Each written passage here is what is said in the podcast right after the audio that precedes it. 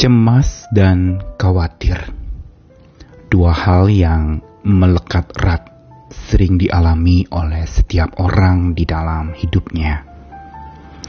Kecemasan adalah sebuah perasaan risau, tidak tantram. Kecemasan juga menghasilkan kegalauan.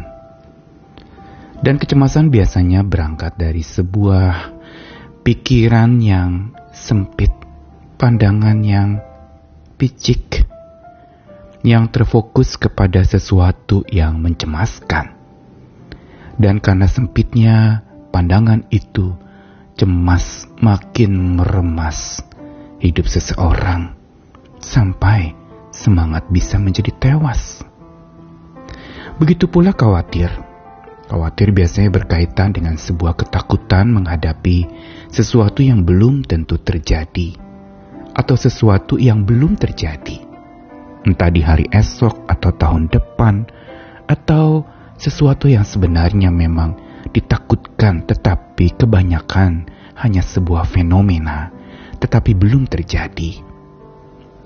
Namun keduanya, cemas dan khawatir ini sebenarnya berkaitan erat dengan pandangan sekaligus pikiran seseorang.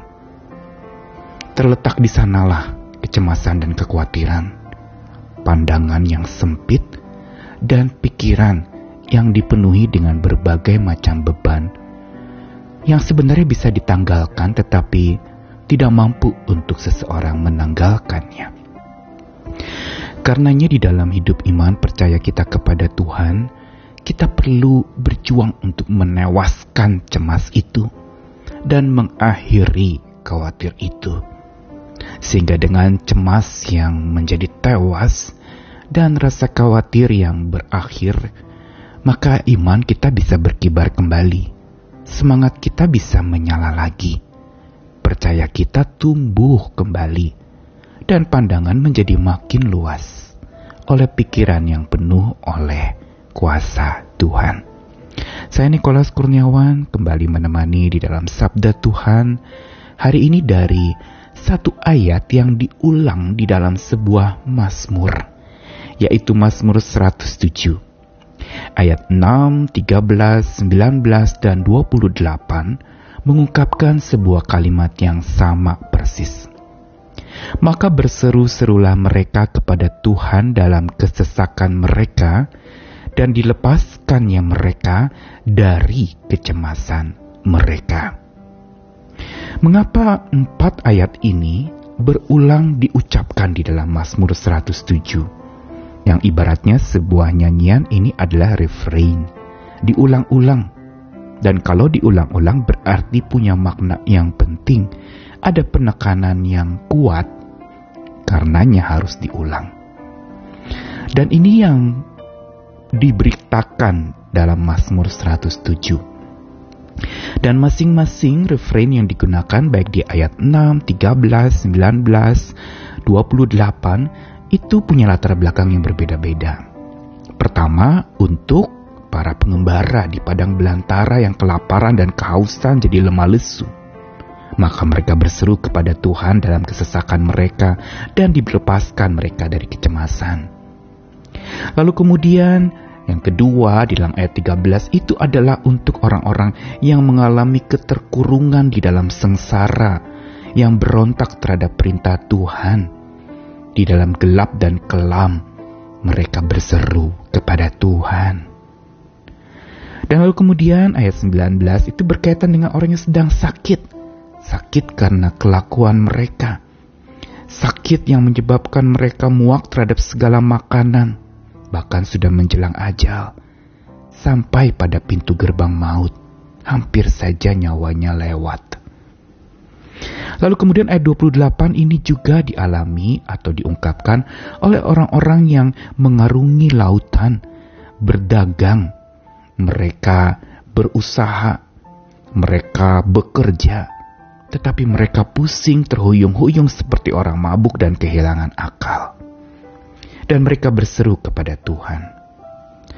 Untuk lapisan-lapisan manusia yang punya pergumulan inilah dengan berbagai macam profesi dan pekerjaan mereka, dengan berbagai macam penyebab dan motivasi yang menyebabkan mereka cemas, dan lalu mereka berseru kepada Tuhan dalam kesesakan mereka, dan diselamatkannya mereka dari kecemasan mereka. Apa sebenarnya yang mau disampaikan lewat Mazmur 107 dengan pengulangan kalimat yang sama di empat ayat yang berbeda? Tuhan ingin mengatakan ini adalah sesuatu yang vital, yaitu berseru kepada Tuhan, berserah kepada Tuhan, bukan berseru-seru untuk orang lain dengarkan karena itu akan mengecewakan, bukan berseru-seru hanya untuk pelampiasan perasaan, tetapi berseru kepada Tuhan di dalam kesesakan. Yang berarti bukan kita memendam sendiri kesesakan itu, tapi ungkapkan kepada Tuhan. Anggap dia Tuhanlah yang maha mendengar. Dan kalau kita menganggap Tuhan, kita menangkap Tuhan, kita menanggapi Tuhan, kita akan berseru-seru juga mempercakapkan kesesakan kita kepada Tuhan dan ini pintu kelepasan terjadi.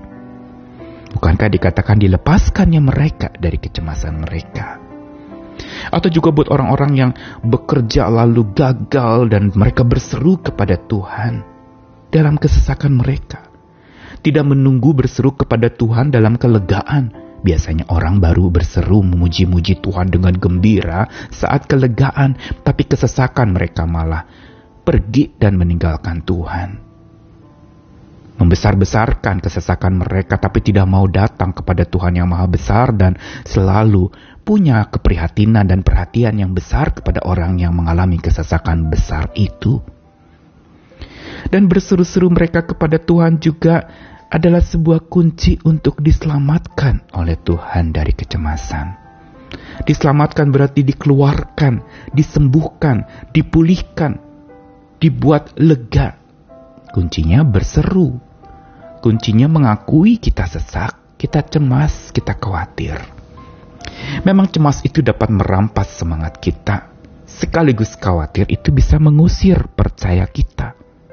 Namun, cemas itu hanya bisa ditumpas oleh pandangan luas yang dipenuhi oleh kuasa Tuhan.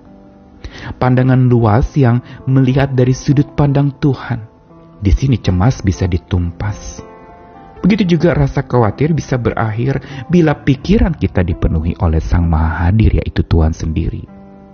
Kalau pikiran kita dipenuhi hanya oleh penyelesaian masalah, bagaimana cara untuk kita bisa keluar dari khawatir, cara untuk kita bisa menghabiskan rasa cemas itu, maka kita tidak akan menemukan jalan keluar. Tapi kalau yang kita pikirkan adalah Sang Maha Hadir yang menemani kita saat kita sesak, saat kita cemas, saat kita khawatir, maka di situ kita akan mengalami kelegaan. Bukankah ayat setelah refrain itu semua menggambarkan tindakan Tuhan? Dibawanya mereka menempuh jalan lurus. Dibawanya mereka keluar dari dalam gelap. Disampaikan firman Tuhan kepada mereka dan mereka disembuhkan, diluputkan dari liang kubur. Dibuat badai itu diam sehingga gelombang-gelombangnya tenang. Dan semua ini merupakan karya tindakan Tuhan yang baru bisa dialami oleh orang yang datang berseru kepada Tuhan. Karenanya mari kita belajar lagi berseru-seru kepada Tuhan di dalam kesesakan kita. Menyerukan segala isi hati kita. Jangan tunggu lega, tapi saat sedang sesak, di situ saat yang paling tepat untuk kita benar-benar membuka hati, berseru kepada Tuhan. Baru kita bisa dikeluarkan dari kecemasan itu. Mari berdoalah kepada Tuhan agar pandangan kita diperluas oleh iman yang dahsyat dan besar itu, keyakinan kita kepada Tuhan yang Maha Kuasa, sekaligus khawatir kita juga akan berakhir bila pikiran kita dipenuhi Sang Maha Hadir. Karena itu tetaplah jalin relasi dengannya agar cemas, tewas, dan khawatir berakhir. Tuhan kasihnya tak pernah berakhir. Penyertaannya selalu akan menemani kita, membuat pikiran kita luas, pandangan kita luas, dan hati kita menjadi makin dewasa oleh pengalaman hidup kita. Tuhan mengasihi kita sekalian. Amin.